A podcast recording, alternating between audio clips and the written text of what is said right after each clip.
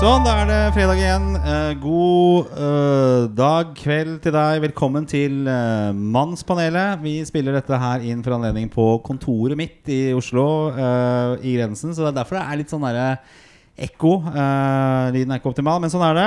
Eh, ny uke er i ferd med å gå over i historien. Jahn Teigen er død, dessverre. En av mine store barndomshelter.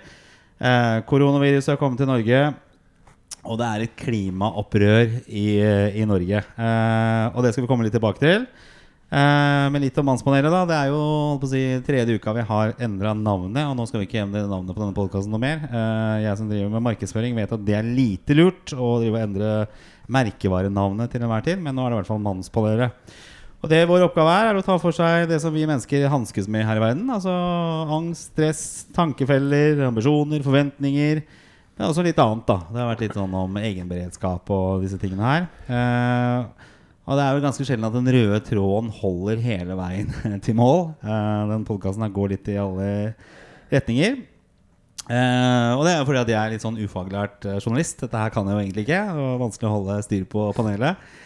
Eh, og når det gjelder panelet, da, eh, så er det jo meg. vanlig fyr på 46 år. Bosatt litt utenfor Oslo. Så har vi vanligvis med oss Svein. Men Svein han er og spiller en charterfeber, så han er ikke her i dag.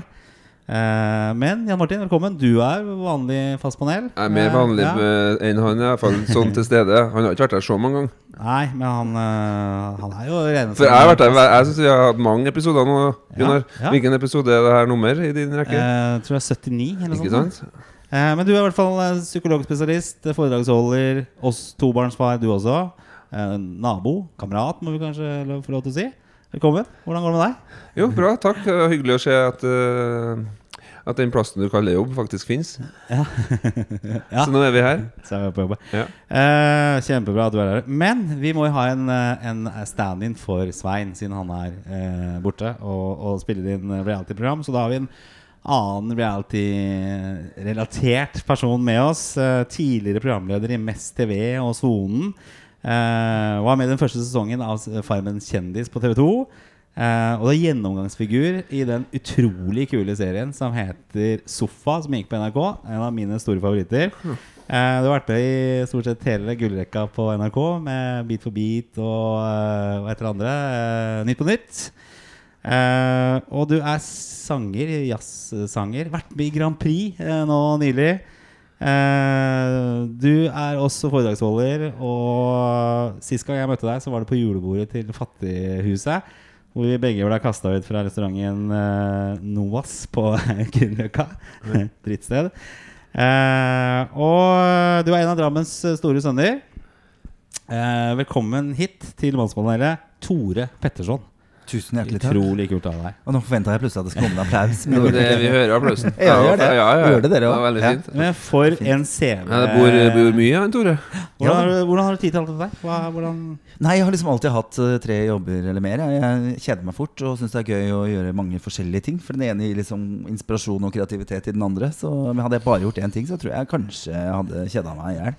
Så man må gjøre mye. Men det er klart sånn, du sier du kommer fra mediebransjen. Hvis jeg skulle liksom peila meg ut en retning, så har jeg jo feila helt. Jeg gjør jo alt mulig. Og, men det er så dumt å legge fra seg ting man syns er gøy, bare fordi at folk ikke klarer å følge med. Bare Du syr og driver Ja. med håndarbeid og masse Ikke mye håndarbeid, men jeg lager jo disse her Skal vi danse-jakkene mine. da som, Ja. eh, sånn, Så Det er sånn tolv uker i året hvor leiligheten min ser ut som en svær glitterjakke.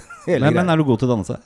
I- Jeg var i hvert fall veldig Ja. god til å danse. Ja. Ja. Har du konkurrert i Jeg dansing? konkurrerte i gamle dager, ja. Så Shit, jeg var, altså. var litt god en gang. Mm. Det er derfor jeg får lov å sitte i det panelet. Det er ikke så mange som veit det, men jeg har dansa. Jeg, altså, jeg, jeg har jo sett litt på Skal vi danse. Ikke så mye de siste årene, men jeg syns jeg ofte treffer litt på På, på liksom eh, Gunnar Gundersen, syv.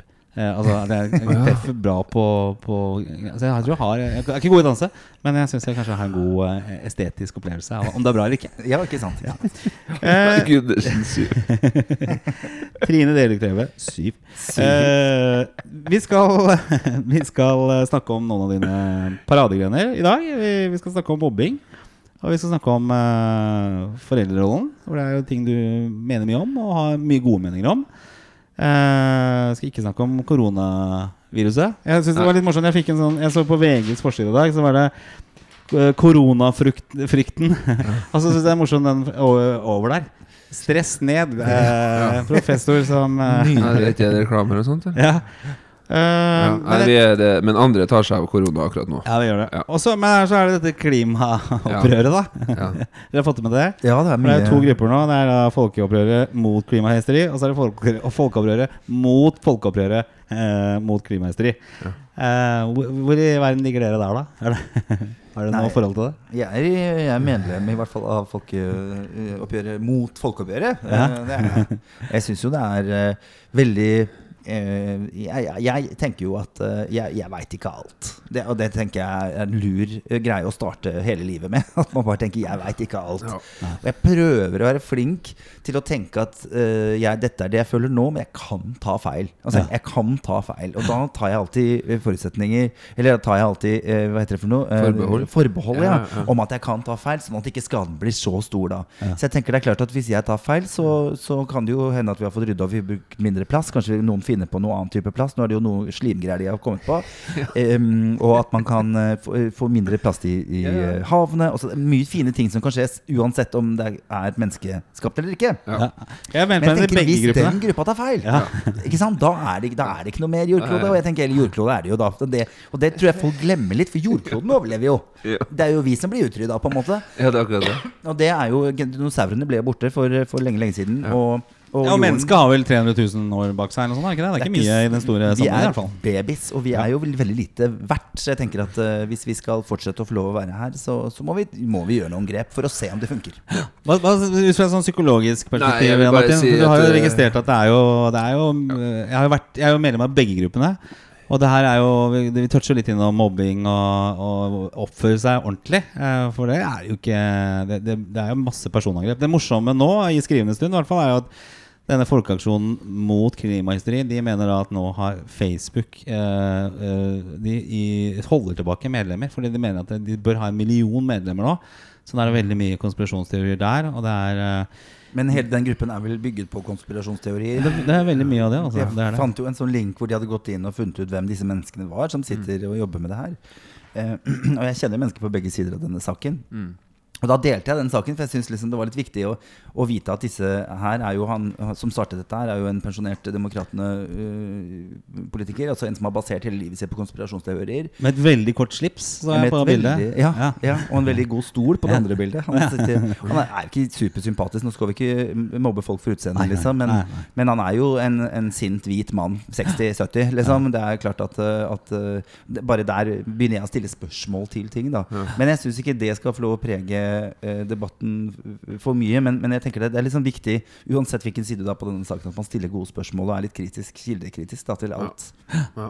Nei, jeg stiller meg bak det, jeg Ja, men, men hva skjer i folks eh, syke da? Når liksom, nå er, vi har jo kanskje etterlyst litt sånn eh, engasjement. Der. før så gikk man jo i tog for, eh, mot Vietnam, og det var liksom nei til atomvåpen. Og det var mye mer engasjement i gatene. da Nå er jo gatene blitt flytta over til sosiale medier. Men hva er det som skjer i folks huer om dagen? Men hadde man eh, hva sa du, nei til altså Vietnam? Det kan jo at det var hvis det hadde vært Facebook på den tiden. Det kanskje hadde vært en uh, gruppe som har vært uh, for uh, Ja, det hadde det helt sikkert vært. Ja. Det, det vil jeg tro. Så Nei, det her tror jeg er helt typisk, da. At man får sånne grupperinger. Og at det så- sånn inngruppe og utgruppe og Det er helt sånn det er sånn gruppeprosesser foregår, da. Ja. Men, men det er jo liksom det vi må gjenta. Det blir jo litt sånn kjedelig svar fra meg hver gang når vi snakker om det her. Ja. For at det blir det er sjelden at det kommer noe godt ut av disse kameraene som vi har snakka om. Og, og at liksom jeg stiller meg egentlig litt bak det vår eminente gjest. Han sier jo kjempemye klokt, da. Tenker Ja. bare å lytte til han. Det var veldig fint førsteinntrykk. Bare si mer. Ja, altså. Men altså, for liksom helt, vi kan jo bør ikke snakke så veldig mye om det, men jeg leste en, eh, en artikkel i dag hvor det står at dette er jo en drømmesituasjon for både Polen og Kina, som ønsker å ta over og få mer makt.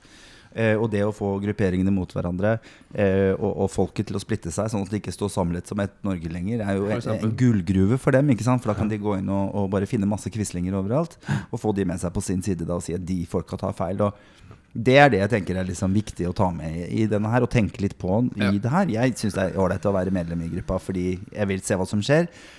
Jeg meldte meg ut av den gruppen eh, som er uenig med meg, rett og slett fordi de sletter alt som er uenig med dem. Og det er jo det disse ekkokamrene ofte gjør. ikke sant? Mens den andre gruppen som er mot oppgjøret, de lar jo alt stå. Det syns jeg jo Hvis ikke du er helt psykot, selvfølgelig. Ja. Og det det som er skummelt, da, at vi, vi mennesker har en tendens, hvis man ikke eh, er bevisst og opplyst, så søker vi bekreftelse for det vi allerede antar. Og da kan vi rett og slett eh, bli mer ekstrem. Og, og at man i en gruppe sletter eh, argumenter som går mot det gruppa står for.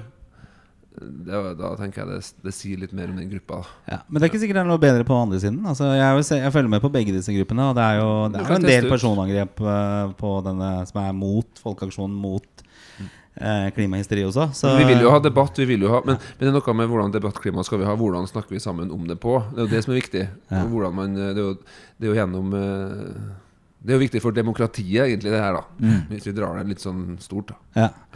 Det blir spennende å følge. i hvert fall Det er vel kanskje noe som dør ut uh, etter hvert. Men det er ikke tvil om at det er veldig uh, store følelser ute og går her. Uh, og igjen da så toucher jo litt innom dagens tema her. Sånn. Det er jo det å kunne oppføre seg og snakke ordentlig med, med mennesker. Um, Hvis man ikke kan si det face to face, ja.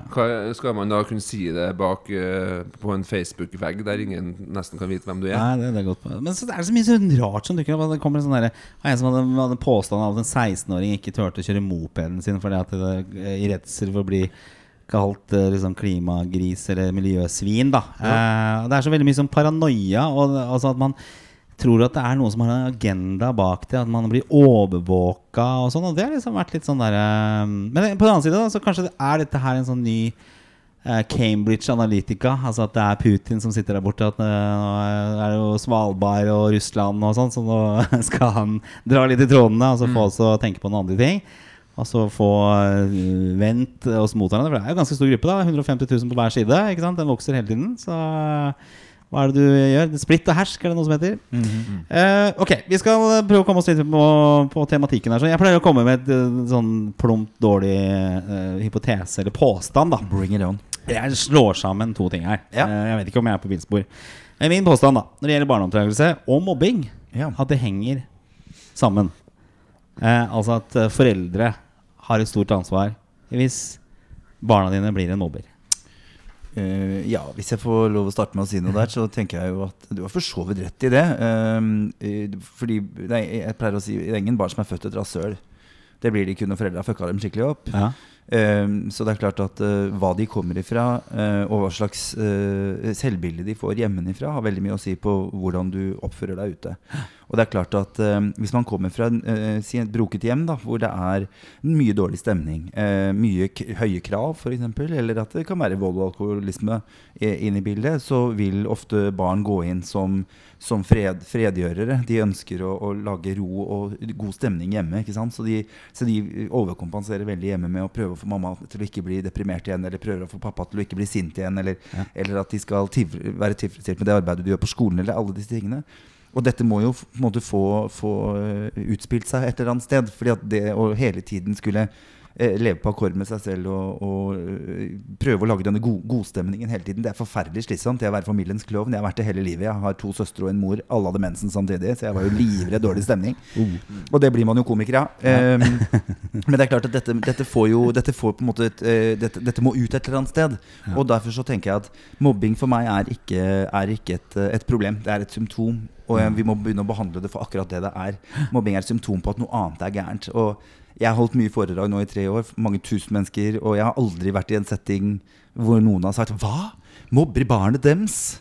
Det er alltid sånn Å ja, ja, nettopp. Ja, der, ja, ikke sant? ja, det er den familien der, ja. Ikke sant? Og, og, og jeg merker jo også at eh, jeg har vært på skoler med, med si 500 elever, da, hvor det da potensielt kan komme 1000 foreldre, og det kommer 70. ikke sant? Og det er jo greia, de, de unngår jo å komme. De ønsker jo ikke å være det. De ønsker ikke å ta en del av, av, av barnas oppdragelse eller eh, utdannelse. Og jeg sier det er mange måter å se barna sine på, og det er veldig viktig å se barna sine. Og det å møte opp på disse møtene og være med og aktiv i barnas liv er en av de aller, aller viktigste. Så det er klart det at eh, når barnet ser at det ikke blir satt pris på, foreldrene gir faen, hvorfor skal de bry seg? Og hvis de hele tiden må overkompensere hjemme, eller at det er mye dårlig stemning, så må dette få, dette må få ute, øh, ute Jeg leter etter et ord her. Um, Utløp? Utløp, takk. Herregud, så enkelt ord. vet du. Så enkelt er helt- Um, nei, men dette må få utløp et sted. Ja. Og, og jeg ser jo at uh, hvis du hadde ryddet opp i livet til mine mobbere, så ville jo livet mitt vært ganske fint. Vi hadde mamma, pappa og søstre og hadde egentlig fint hjemme. Uh, men hvis du sier at i snitt så mobber én mobber fem mennesker, da, vi har ikke noe tall på det, men si, si det gjør det, Mm. da er det jo ikke bare mitt liv du rydder opp i ved å rydde opp i hans liv. Ikke sant? Og jeg har jo hatt eh, Jeg hadde en gjeng med mobbere som var veldig ute etter meg, og kommet fram til gjennom samtaler med gamle venner at det er kun en av de som lever i dag. Og det fortalte meg at her er det en historie. Ja, for det ble jeg er nysgjerrig på nå. Hva, hva, hva er din bakgrunn, bakgrunn for, for det her? Er det din egen oppvekst? Eh, Det er min mobbehistorie Ja. som jeg bruker mye tid på. Og jeg startet foredragene mine med å handle om det, men etter hvert så har det begynt å handle mer og mer om mobberne mine sin historie. Fordi det er der jeg tror vi kan gjøre et godt arbeid. Ja. Det handler jo om å bare få fjernet eh, negative eh, elementer i barnets liv fra tidlig alder. At man griper inn og tør å gripe inn når man ser at her er det noe som ikke stemmer. Ja. Så hvis man har som regel at et barn som har det bra, mobber ikke, så er det et godt utgangspunkt ja. for å finne ut av, av eh, symptomene og gå inn og faktisk få gjort noe med problemet. Det er min, er min teori, da. Hva, men hva var det som skjedde typisk eh, Hva var din erfaring? da? Hvordan var det for mobbinga? Var det veldig fysisk, eller var det mer eh, sånn Ja, nok- og alt mulig? Eller? Ja, alt mulig, egentlig. Det var Ja. nok mer fysisk uh, når jeg vokste opp, men det er i hvert fall her i Oslo om meg nå. Jeg Ja. ser jo når jeg reiser rundt i Norge at det er fortsatt veldig fysisk uh, Veldig mange gressgrendte strøk i, i dette landet. Eh, og at, at det er nesten like fysisk som det var. Men jeg ble litt overrasket når jeg Det var i Sofa-programmet som jeg var deltok i sammen med Ada. Hvor vi så et program om mobbing. Det var egentlig første gangen jeg fortalte noen om min mobbehistorie. Og da fikk jeg så veldig mye meldinger på jeg Facebook så og Insta. Og sånt. Ja. av unge mennesker. Og Ja. jeg trodde jo at verktøyene var annerledes, at mobbing ikke var en greie lenger. At nå jobber man jo med det, og man snakker om kjønn, og man snakker om annerledeshet. Og, Ja. og så plutselig opplever jeg at 400 ungdommer sender melding til meg og sier Ja. jeg har bytta skole tre ganger. Bare, men. Hvor er skoleverket her? Hvor, Ja. vi, hvordan, jobber vi? Jo, hvordan jobber vi? Og det var der jeg fikk et sånn veldig behov for å reise rundt og fortelle min historie. Ja. Og, og prøve å få gjort noe med det, og tørre å kjefte på lærerne foran elevene. Eh, som ikke alle lærere setter pris på, men, men de aller fleste gjør det. De fleste lærere med god selvinnsikt De sier 'takk, dette her trengte jeg'. Dette var en sånn deilig slag i trynet. For jeg Nå snakker jeg veldig mye. Jeg skal bare Nei, nei, men jeg må ta er for Jeg synes det ja, det er fint at du bare sier litt, for du eier jo det du sier. Og, men jeg bare lurer For, for når mange lærere tenker jo at ja, men er det voldsomt hvor mye ansvar vi skal ha i det her, det er jo egentlig foreldrene som må ta ansvaret for det som foregår, og ikke oss lærere. Vet du hvor mye vi har å stå i? Mm. Men nå høres det ut som du gir noen litt sånn øh, Du gir lærerne mye av ansvaret her, er det er det, det du sier? Ja, altså, hvem, hvem skal ta det På skolen? Ja, for jeg er jo forelder, jeg syns Ja. det er utrolig vanskelig. Ja. ja, jo, det er klart det er det. Men, men det, jeg tenker at eh, alle eh, Hvis vi skal si at familien skal ta utgangspunkt eh, Eller skal ta, skal ta ansvar for dette, så, må, så tar vi utgangspunkt i at alle familier er ressurssterke. Med foreldre som ønsker å Mm. stille opp for barna sine og har muligheten til det. Ikke sant? At de ikke sliter psykisk, at de ikke er ut og inn av sykehus hele tiden. em, at de forstår hva læreren sier. Altså, det er mange sånne type ting. Det kan vi ikke ta som utgangspunkt. Vi må ta som utgangspunkt at alle barn skal ha den samme muligheten til å lykkes, og da er skolen nødt til er å, å gå inn. Og jeg er veldig opptatt av at Og det, jeg mener at lærerne gjør en kjempegod jobb. Jeg bare er ikke enig i metodene de bruker, så jeg Nei, er prøver å gi dem noen ideer om at. For jeg var mobbeoffer, og jeg Mm. satt masse i møter med Ja. mamma, lærer, eh, mobbe Ja, du ble tatt ut for at det var du som ja, Det var jeg som var problemet. Hvordan kan vi Ja. ordne problemet med Tore? ikke sant? Ja, og så kan jeg sitte ansikt til ansikt med mobberen min, ikke sant? Som, som så skulle banke meg. 'Jeg skal ta deg i morgen'. ikke sant? Så jeg mener, hvorfor var jeg der? Hvorfor var Jeg tatt? Jeg har ikke gjort noe gærent. Ikke Nei, og jeg tror mange barn som, uh, som opplever å bli mobba, da Når mora og faren sier ja, men 'skal vi ta det opp med skolen'? Nei, nei, nei. nei, nei, nei, nei, nei. Ikke Da blir det bare Det er jo kjemperisikosport. Det er jo det, og da Så tenker det- jeg at Ikke gjør barnet til en tyster, men gå inn Nei. og se her er det Hvis du følger med på klassen din, så Ja. ser du jo hvem som skiller seg som mobber. Så det er ikke sånn at det er én person den personen er jævlig mot. Det, det er de ofte mot, mot flere. Ja, Og da kan man gå inn og så kan man gjøre noe med det og prøve å finne ut av det ja. med god hjelp. Ja. Hvis regjeringen selvfølgelig gir lærerne muligheten til å gjøre noe annet enn å rapportere. Det er jo en helt Så annen viktig, altså. Men vi er jo et stykke, lite stykke på vei, i hvert fall. For det er jo litt mer satt på agendaen enn det var tidligere. Altså Jeg kommer jo fra Begynte på skolen i 1980. Eh, det var jo ikke noe diskusjon rundt om det i det hele tatt. Og foreldrene var jo også ganske sånn eh, fjerne, for de var jo aldri med på fotballtreninger eller engasjert seg lite. Sånn som vi, Jan Martin, har jo vært med som lim på disse ungene i veldig mange år. Så, og vi har i hvert fall for mitt eh, vedkommende snakka mye om det hjemme. At, eh, for jeg eh, var jo en mobber sjøl. Mm. Eh, og jeg tenkte jo ofte det at det var enten eh, han eller meg. Liten, rødt hår og fregner. Altså, det var et dårlig utgangspunkt. eh, og jeg bodde på Torshov. Så jeg tenkte at det, det her var liksom min forsvarsmekanisme. da Men det var, eh, det var ikke noe hyggelig å tenke tilbake på. Og jeg husker også prosesser med dette her at eh, den det gjaldt, da, var jo den som du sier, Tore, ble tatt ut. Det, var ikke, det skjedde ikke noe med meg i det hele tatt. Eh, og de gangene det var snakk om det, så fikk jeg snakka meg ut av det. Jeg fikk aldri noen konsekvenser i det hele tatt. Eh, og dette er jo noe som moren og faren min aldri visste noe om i det hele tatt. Mm. Men det var jo også fordi at de var ganske sånn De var jo fraværende. De var ikke, var ikke liksom like på som nå. Men hvis man skal se på liksom løsningene i ditt hode, hva, hva kan man gjøre? Nei, altså, Man er nødt til å gå inn og behandle problemet. Eh, Ja. Og jeg vil ikke kalle det et barnproblem, men jeg vil kalle barnets atferd et uh, problem. Ja. Og, og gå inn mer konkret på de tingene. Jeg tror at vi kan bygge barns selvsikkerhet mye mer. Jeg tenker uh, Sånn som jeg ser skolen i dag, så er det veldig fint å være god i matematikk, engelsk og naturfag, men hvis du er god i kunst, dans og, og rotmaling, Ja. så er du ikke like verdifull. Nei. Jeg mener at vi trenger ikke fem millioner psykologer, leger eller advokater i løpet av et år. Vi trenger en av masse forskjellige ting. Du kan være verdens flinkeste hjernekirurg, men du får ikke gjort jobben hvis ingen har vaska ned før du kommer inn. Sånn at det å sette pris på å se på alle mennesker som en ressurs, se på barne- og ungdomsskolen som ikke en utdannelse, sånn som jeg føler det her i dag, men at du skal eh, se på barne- og ungdomsskolen som et sted hvor du skal lære litt av alt og alle mulighetene for alt du kan bli. For da får alle barn et sted hvor de kan kjenne at de har mestring. Og jeg begynte å danse, så jeg lærte min mestring et helt annet sted. Hvor det gikk et dansepar forbi som var supergode tvillingpar fra Drammen. Som var helt rå. Og så sier, eh, sier de til hverandre når de går forbi meg Han der, han der blir god. Ja, ja. Og det var første gang jeg hadde hørt i hele mitt liv. Jeg var ikke noe flink til å skrive, jeg var ikke noe god i matematikk. Ikke? Men som jeg sier, hvordan skal jeg kunne klare å bruke tid på skolearbeid når det eneste som går og surrer inn i hodet mitt, er hvordan skal jeg komme meg fra klasserommet til gymsalen uten å få bank? Vi er nødt til å skape ro i barnets liv. Vi må skape et arbeidsmiljø, et læringsmiljø der det er mulig å faktisk lære noe. Og det øyeblikket vi får bort det, da først kan lærere få lov til å begynne å bli lærere igjen. Men jeg er bekymret for at lærerne er for faglig gode. Vi får for mye lektorer nå. Og så har de jo sittet med trynet og rømt inn i bøker hele barndommen sin og er gode faglig, men har ikke evne til å se seg rundt og se om noe er gærent, for de har jo aldri vært en del av det. Og hele klassen min var jo liksom to-tre stykker som var kjempeslemme med meg, mens andre snudde ryggen til og latet som ingenting. Dette er jo de folka som nå sitter rundt og er sjefer rundt omkring, og, og, og, og mange av de har blitt lærere, og noen av de til og med rektorer, ikke sant? Og som har gått hele livet sitt og snudd ryggen til når de ser noe som er kjipt. Vi trenger folk som har levd. Vi trenger mennesker som har en sekser i empati. Sekser i, i se folk. Gode på relasjoner, gode på samtaler. Og tøffe nok til å gå inn på rektors kontor, slå handa i bordet og si her går faen ikke lenger. Nå er det lærere som mobber, vi har masse krangling på, på kontoret hele tiden. Jeg mener det burde være dagbøter jeg, for å ha en voksenkrangling på en skole, for det handler ikke om deg. Så vi skal ikke ha konflikter. Dette, må dere jo, dette må dere jo gjøre fortløpende, fordi at dere skal ha oversikten, eller overskuddet nok til å klare å ta de fightene med elevene, som jeg tror veldig mange lærere dessverre ikke orker. Litt flere sånne miljøarbeidere med langt hår og uh, Ja, de har jo levd litt, i hvert fall. da Hvis Ja. de hadde Jo, men hadde du gitt de en skikkelig Og sagt sånn Du er en ressurs for oss. Du er en viktig karakter på denne skolen. Vi trenger flere som deg. Så de kunne bygd opp litt selvbilde. Så viktig. Og de kan gjøre, altså det Tore sier nå, er jo at eh, det relasjonelle perspektivet, altså det men medmenneskelige, menneskelige perspektivet, da, for alt eh, det menneskelige innebærer, da, det kan jo gjøre en eh, kjempeforskjell i menneskers liv. Og da er det jo én ting er det som skjer i klasserommet, men hva skjer i friminuttene? da?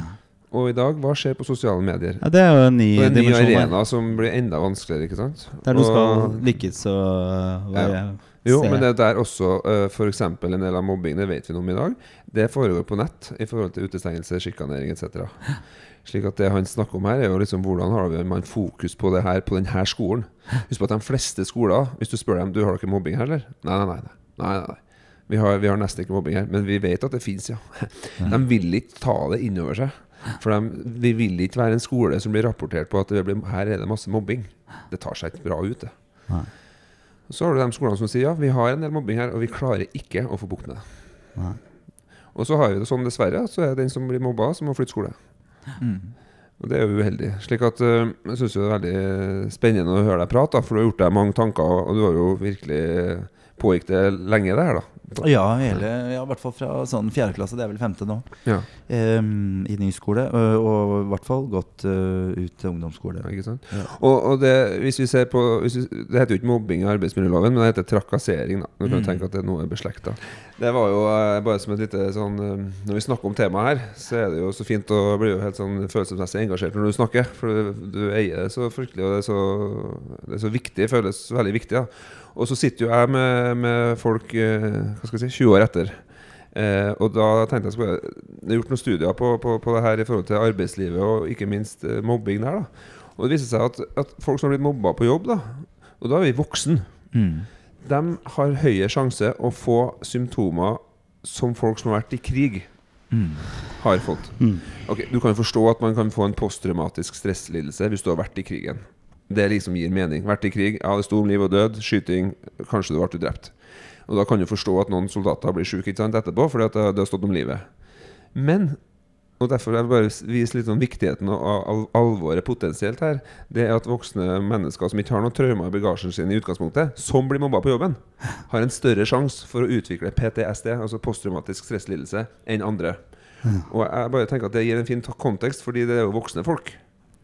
Da kan vi bare ane, og da si seg selv, det er høyere forekomst av selvmord. Det er høy forekomst av uh, depresjon og angst hos folk som har blitt uh, mobba. Så det er noe med å kontekstualisere øh, viktigheten av å ha det her som et tema, da, tenker jeg. Mm. Og så sier jo Tore noe viktig i forhold til ja, Han har i hvert fall gjort seg noen tanker rundt det her, og så sier han noe av at jeg tenker at skolen er en kjempeviktig arena der folk eh, som jobber i skolen, de er nødt til å ha et bevisst forhold til det her. For at når du jobber så tett med barn, så er du nødt til å ha et litt sånn avklart forhold til deg selv som menneske, for du møter mennesker hver dag. Og står læreren høyt og brøler hver dag når det ikke går som det skal i klasserommet, så kan det handle om at kanskje ikke læreren er helt på plass i seg selv. Mm. Vi snakka litt om det her nå når vi tok en liten break. Ja. Da, Men- Fordi Jeg syns jo det er veldig viktig. Og, og jeg jeg vil jo ikke henge ut lærere på noen sånn måte. Jeg kjenner masse fantastiske, flinke og flotte lærere, men jeg kjenner også mye lærere som har mye personlige traumer. Eh, det er jo ikke sånn at fordi du er lærer, så, så har du ikke opplevd overgrep, eller har, hatt foreldre som har satt ekstremt høye krav til deg, eller eh, hvor det var alkoholisme, eller hadde venner som svikta deg, som gjør at du har At du har vanskelighet med å stole på folk. Og det er klart at Hvis du skal møte et menneske eh, Jeg har selv vært hos en, en lege hvor jeg kom med mine ting, men så får jeg en sånn der Ja, men dette her takler du, vet du. Du er jo en tøffing, Tore. Og da tenker jeg sånn Nå vet jeg akkurat hvordan faren din er. Nå møtte jeg faren din, og så jeg faren din i speilet. For dette er jo den måten du har blitt møtt på hele livet. Derfor møter du også meg med det. Og jeg har en helt annen smerteterskel enn det han har. Og jeg har helt andre eh, forhold til å gå rundt og ha vondt enn det han har. Jeg ønsker ikke å ha det.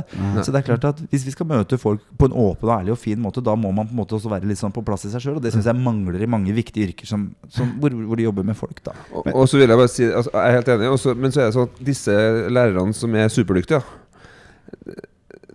de havner også til meg. Dessverre. Ja, ja. Har du uh, mye samvittighet i deg, f.eks., har vanskeligheter med å si nei. Du identifiserer deg med lærerrollen, og du er opptatt av plikt. Og du er jævla god til å se disse barna og ungdommene som trenger at du blir sett. Som, de, de, disse lærerne gjør jo forskjell i folks liv. Men Ikke for å svartmale her, men dem, noen av dem sliter jo seg helt ut.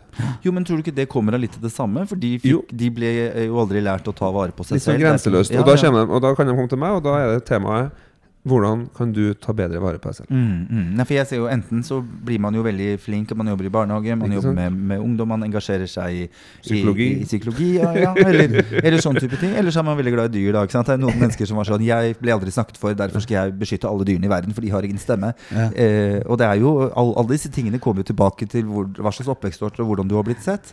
Eh, og har du aldri blitt bekrefta at du hadde noe verdi når du vokste opp, så tenker du sånn skal i hvert fall ingen rundt meg være. Det er nok litt der jeg er òg med mine foreldre. Jo, jo. Du snakker om kompenserende strategier her nå, ikke sant? Så det er en mulig tolkning. Mulig Men, tolkning. men hvis man skal eh, være litt djevelens advokat her, da ikke sant? Fordi at, eh, Nå snakker vi veldig mye om individet, om å se det enkelte individet. Eh, og så opplever jeg det at eh, kanskje vi har blitt en eh, generasjon nå som lettere også blir krenka. Eh, at kanskje begrepet for mobbing endrer seg litt. grann, At eh, man tåler litt eh, mindre. da Og Det er jo en litt sånn vanskelig balansegang. da For at du, du skal jo ikke mobbe folk. Men samtidig så må du jo som mennesker kunne ta, altså, takle litt eh, motgang eller en kommentar eller hva det måtte være. Og det er jeg også litt usikker på hvor flinke vi er til å lære barna våre. For at, uh, her er jo, jeg husker jo min far som bare Kom deg opp og reis deg opp igjen. Og, jeg- og det det, det smitta litt over på min egen barneoppdragelse også. Fordi at når det gjaldt uh, barn som falt Ja. og slo seg, Ja. så var det aldri noe sympati eh, fra meg. i det hele tatt Og så har jeg jo en eks, moren til disse barna, og hun er mye mer eh, var på sykdom, f.eks. Uh, sønnen min har jo sagt det at eh, jeg har liksom det omvendte av Munchheisen by proxy. Eh, altså, jeg, jeg ser ingen sykdom, Nei. mens moren er litt eh, mer eh, Vil jeg gjerne se sykdom, da. Ja. Så det, så det er litt sånn litt der at det er en balansegang, og det å møte hver enkelt individ på riktig måte er jo en utfordring. Selvfølgelig. Men igjen, da, dette med mobbing og når det beveger seg over på sosiale medier, så er det jo en utfordring også. ja, for det har jo vært en debatt siste årene. Ja. Eh, er det for lett å dra krenkekortet? At du føler deg for lett krenka, og du kan si at 'ja, nå føler jeg meg mobba'. Mm, ja. Jeg syns ikke det er der problemet ligger i det hele tatt. Eh, Jeg mener jo at vi må starte med å bygge relasjoner. Kanskje vi snakker om to ulike, ulike nivåer her. Men, Eh, ja. Jo, Ja. men, men allikevel. Fordi eh, hvis man hadde begynt med dette på et mye tidligere tidspunkt, at barna var flinke til å sette ord på sine egne følelser, de fikk sagt hvor de var, de fikk en følelse av at de var bra. Drite i selvtillit, det er bare tøys. Men selvsikkerhet, et godt selvbilde. For jeg mener at et barn med godt selvbilde, de mobber ikke. Men enda viktigere, et barn med godt selvbilde oppfatter mye færre ting som mobbing. Og der syns jeg det ligger en veldig nøkkel. At hvis du bygger barn, så er det pluss på begge sider av dette. Jeg blir ikke noe mindre mobba i dag. Altså Jeg får hæren flytte meg så hatten passer. Jeg var med i Grand Prix akkurat og fikk, jeg ble trasha over hele Europa. Eh, og det er klart altså, Det var mange som gikk på personkarakteristikk og kalte meg stygge ting. Men jeg har vokst som menneske. Jeg har gått gjennom en del av mine ting og funnet en trygghet i meg og tenkt at jeg syns egentlig Tore er en sabla hyggelig fyr. Og i det øyeblikket jeg kom til det punktet at jeg var bra, da, da preller det av meg. Ikke sant? For du snakker om robusthet. Altså å Skape litt mer selv, selvbilde, selvfølelse, og skape robuste mennesker. Mm. Og det gjør man ved å, å få lov å oppnå mestring og det å få bekreftelse og anerkjennelse fra man er barn, og også som voksen. Det er jo heldigvis sånn at det er aldri for seint å få en god barndom. Man kan jo gå tilbake og i hvert fall forholde seg til det på en ny måte. Og jeg tenker det å, å, å la barn og la mennesker få lov å skinne der de faktisk er gode, og ikke liksom skal presse seg inn og bli revisor for det var det pappa syntes var lurt, eller bli sykepleier for det syns mamma var lurt. At folk får lov å bli det mennesket de er, og at vi jobber med å sikre liksom grunnmuren i hvert enkelt barns liv. Så tror jeg vi får mindre mobbing, for de behøver ikke det. Og så tror jeg også de oppfatter Og da kan man slenge en kommentar, og så blir man kvitt det der krenkedritet. Uh, Du fikk ikke noe opp der, Gunnar? Nei, altså Heldigvis ikke, men eh, Nei, men jeg tror du er god på å ta inn litt stemmer utenfor. Altså, du, du setter ting litt på spissen, og du tar jo ikke det fra løse lufta. Nei, nei, nei. Og jeg, tenker, og jeg, jeg tror jo at det, det er jo det som er vanskelig, eller menneskets eh, store eh, problem, er jo det at man klarer liksom nesten aldri å finne det midtpunktet. Det er jo, La oss si du går tilbake til den klimagruppene, da. Så er nok mest sannsynlig sannheten et eller annet sted midt imellom disse gruppene. Eh, og det er jo det som skjer ofte, at den pendelen svinger plutselig. Altså fra i dette tilfellet eksempel, at det er veldig mye mobbing, og så svinger pendelen plutselig til å bli en gjeng veldig lettkrenka individer som oppfatter alt som mobbing. Det er det jeg er redd for. Men du er jo inne på et veldig godt poeng der, Tore. At eh, hvis du liksom utvikler disse menneskene, så får du både robustheten, men også forståelsen og den, eh, det å kunne oppføre seg og behandle mennesker med respekt. Mm. Så det er viktig. Og så er det litt eh, Du er inne på dette her med å finne Finne disse individene. Og det går litt sånn tilbake til skoleverket. At det, det er jo noe jeg, alltid jeg har reagert på. At du skal gjennom en sånn trakt alle sammen. Ikke sant? Alle er like. Du skal ha realfagene, du skal gjøre disse tingene. Du skal lære og lære. Og så blir det så veldig mye fint borte på veien. da Ikke sant? Jeg tenker jo selv tilbake på min egen Mitt eget liv. At uh, Har jeg egentlig blitt det jeg skulle ha blitt? Hva skulle jeg egentlig ha blitt? Kanskje jeg skulle blitt en danser? Eller skulle jeg ha blitt eh, kunstmaler? Eller hva, er jo hva er det som ble borte? Jeg er jo livredd for at vi skaper en nasjon som bare gleder seg til lunsj. Uh, og det eh, er jo Det kommer jeg på jeg holdt jeg på å si Fordi inn på min Instagram så kommer det hele tiden opp en sånn Hva er din favoritt eh, time of day? Ja, ja. Og der står det lunsj, og nå jeg går hjem. Ja. Og det betyr jo at det sitter masse folk på helt feil steder. Ikke Ja. sant? Altså, vi, må jo, eh, vi blir jo lurt til å bli ting fordi det høres lurt ut, og så er det ikke det vi har lyst til i det hele tatt. Og det er klart at da er jo lunsjen og når du går hjem det gøyeste du kan gjøre. Og jeg blir jo Jeg går aldri inn i en jobb uten å gjøre det 100 og, Nå skal jeg gå skikkelig inn i Paradise Hotel. 150 Skal du dit, da? Ehm, eh, men men eh, jeg, jeg liker å gå 100% inn i alt jeg gjør. Jeg liker å brenne for alt jeg holder på med. Og selv om det er helt dustete ting, så går jeg inn med hele meg. For jeg tenker nå er jeg her, nå er jeg betalt for å være her, og da skal jeg gjøre denne jobben. Nå er jeg denne jobben. Det er interessant at det er 80-85% mellom 8 og 9 da, som rapporterer at de trives godt eller svært godt på jobben. Eh, Kanskje de lyver? Det er nok det er mye mange som trives i lunsjen og syns at det er koselig. Men Jeg selvfølgelig, altså, man må huske på at de fleste barn blir ikke mobbet. Og de fleste mennesker har det egentlig veldig fint. Ja. Eh, Men, men det betyr ikke at vi ikke skal kjempe for Vi må snakke høyt om det, sånn som vi gjør nå. Ja, Ja, så ja. det er viktig at du ikke svartmåler alt. Men eh, jeg syns vi er et viktig Det er jo det ikke sikkert tema, å stole på. Altså Man er litt sånn doven. Jeg tenker akkurat det samme som det er et peniskart. Altså Hvor mye kan du stole egentlig på det? Altså Hvis jeg hadde blitt bedt om å måle penis, jeg hadde helt sikkert lagt på et par eh, centimeter. Det er det er jeg er overbevist jo om. Jeg hadde jo eh, så, jeg satt og leste den Penisatlas-boken. Snakker vi om penis nå, gutter? Nå snakker vi plutselig om Det var penis. mannspanelet. Ja, det var- ja, det ble- det naturlig. Det ble lansert, og jeg tok den, hvis du skjønner. Du har den største mikrofonen der òg. Jeg har jo det, vet du. Sitter og bresker meg på kanten her. Da sier vi takk for nå. Nei, Ja, Nei, men det som var interessant Ja. med, med den, uansett hvordan man har det, så har ikke jeg eh, Ingen av de penisene ligna på min. Så det er jo et eller annet med at eh, eh, det fins jo like mange peniser som det fins menn i verden. Er ikke det? Ja, så jeg tenker vi skal være fornøyd med det vi har. Vi får jo ikke gjort noe med det. Så er det vanskelig å få eh, ordentlig måling på det også, tenker jeg. Fordi at eh, jeg har jo en- For mange år tilbake så lekte jeg litt når jeg var singel, og så prøve å ta et sånt penisbilde. Det ble aldri noe av det. Nei. Og da var det så mye styr rundt det at jeg liksom jeg føler Ta hva for noe? Ta et penisbilde. Altså sånn Et bilde, ja. ja. Og da, da var det dårlig Lyssettinga ble vanskelig. Det ble for liksom rosa. Og så får den liksom aldri Sånn blågul rød sak som Det er jo ikke så fint. Nei, men det er jo så synes jeg det er jo Jeg merker jo i forhold til hva snittet i Norge er da Nå er vi inne på dette her, altså, men jeg tenker jo det er jo noen som måler fra anus, og så er det noen som maler Er det ikke der du må måler, måler oppå. For det er jo nesten ikke et eneste menneske på internett under 24 cm. Og så tenker jeg så billig har jeg ikke vært, men jeg vet at snittet er ikke der, altså. Nei. Nei, Litt, overhodet ikke. litt billig har jeg Vips, vært. er vi der? Ja, ja. Nei, men det var artig, gutta.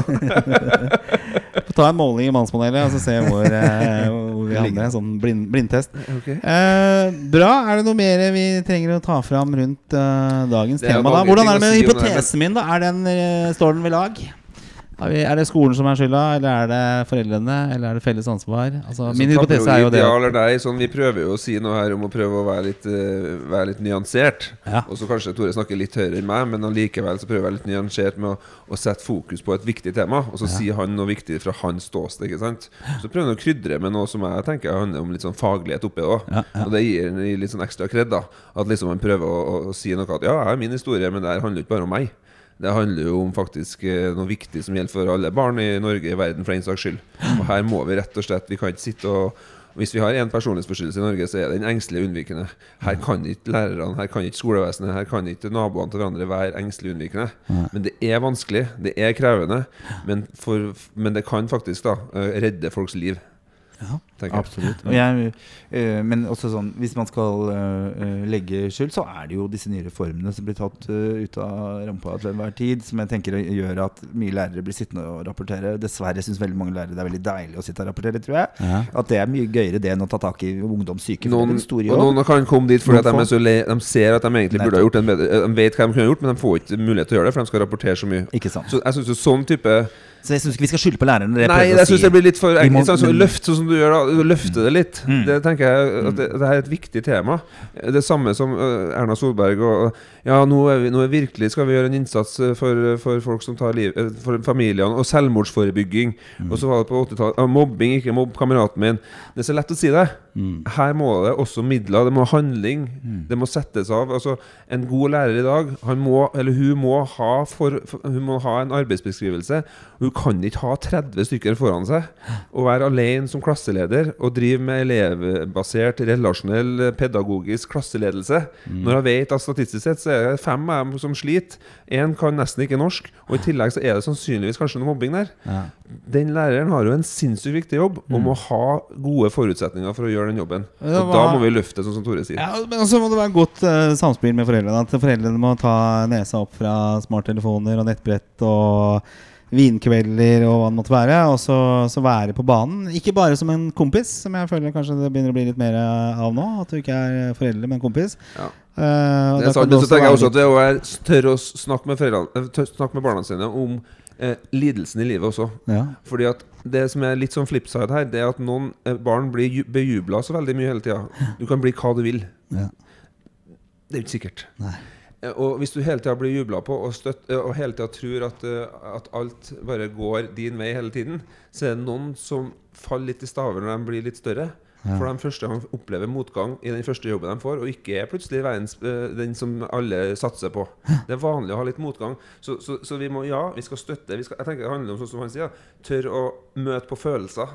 Men også ha dialog rundt at vet du hva, lidelse, det å ha det litt tøft, det er også en del av det å bli et, et fullverdig menneske. Altså ikke at de barna er så flinke hele tiden heller. Altså, det må, Jeg Det kan bli sånn stress og så litt sånn, Det kan bli litt sånn eh, Jeg, jeg tror Det fallhøyden blir så stor. Noen, jeg kjenner noen som altså, får en sekser på videregående, blir ikke glad. Blir letta. ja? For her skal det skapes Du skal skape deg selv. Ja. Ja. Før så sa man kanskje at ikke skap deg til barna, liksom, men nå skal liksom skape og skape. Jeg tenker, ok, men Vi må ha, ha en litt sånn uh, gode holdninger da når vi, vi snakker, og har tid til å følge, følge- opp uh, Så det er viktig, viktig å snakke om det hele tiden. Og så er det jo utrolig flott å ha sånne talerør som deg, Tore. Det er et uh, stort ansvar. Absolutt. Men også fantastisk bra. Og jeg tenker at uh, du har en standing der ute som er og, og du har så mange fasetter å spille på.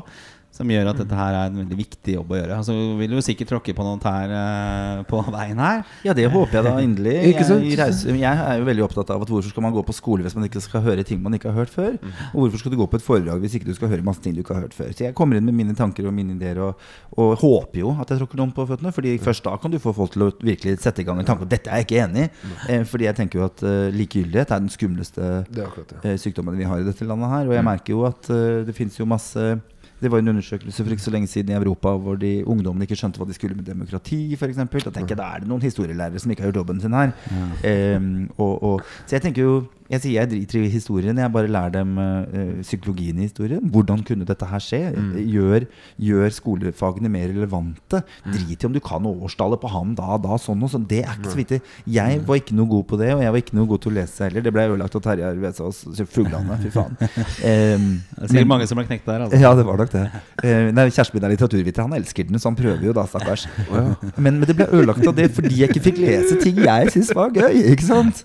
Og det, det tenker jeg at det bare drit i hva de lærer. Få det til å synes det være gøy å lære. Det må være det aller viktigste i hele verden. Og, og du ser jo, dette vet vi jo, at gutter som eh, faller ut av skolen og er dårlige i matematikk, blir dritgode i det når de begynner på tømring. Hvorfor det? Jo, fordi det er praktisk matematikk. Og matematikk matematikk er faktisk ganske praktisk. Du kan ikke ha forskjellige vinkler på det taket, for da blir det jo, Hvis ikke det er kunst, selvfølgelig, men da skal du vite hva du bryter av. Så det er klart med at Når vi sitter på all denne informasjonen, hvorfor bruker vi den ikke til noe? Barn lærer mer av praktiske ting. 80% 90 av de sitter i norske fengsler, kommer fra en brukket fortid. Vi sitter på masse informasjon, og så sitter vi der og er helt sånn apatiske og bare Ja, men hva skal vi gjøre nå? Og jeg elsker Einstein. Jeg syns det er så nydelig å si. Eh, definisjonen på idioti er jo å gjøre det samme om igjen og om igjen og forvente et nytt resultat. Ja. Eh, Det er sånn mantra i livet mitt. Liksom. Vi må hele tiden tørre Det vi har gjort til nå, har ikke funka. Da prøver vi noe nytt. Og det må vi fortsette med helt til vi ser at vi faktisk har et resultat som vi kan være stolte av. Og så er det som du sier, du, har data. ikke sant? Nå har vi mye mer data. Nå mye mer, øh, vet vi litt mer. Eh, det har man ikke før. Altså I alle mulige bransjer nå. Jeg jobber jo i mediebransjen. Der bruker vi data for å vite, eller skjønne brukerne. Brukerne våre.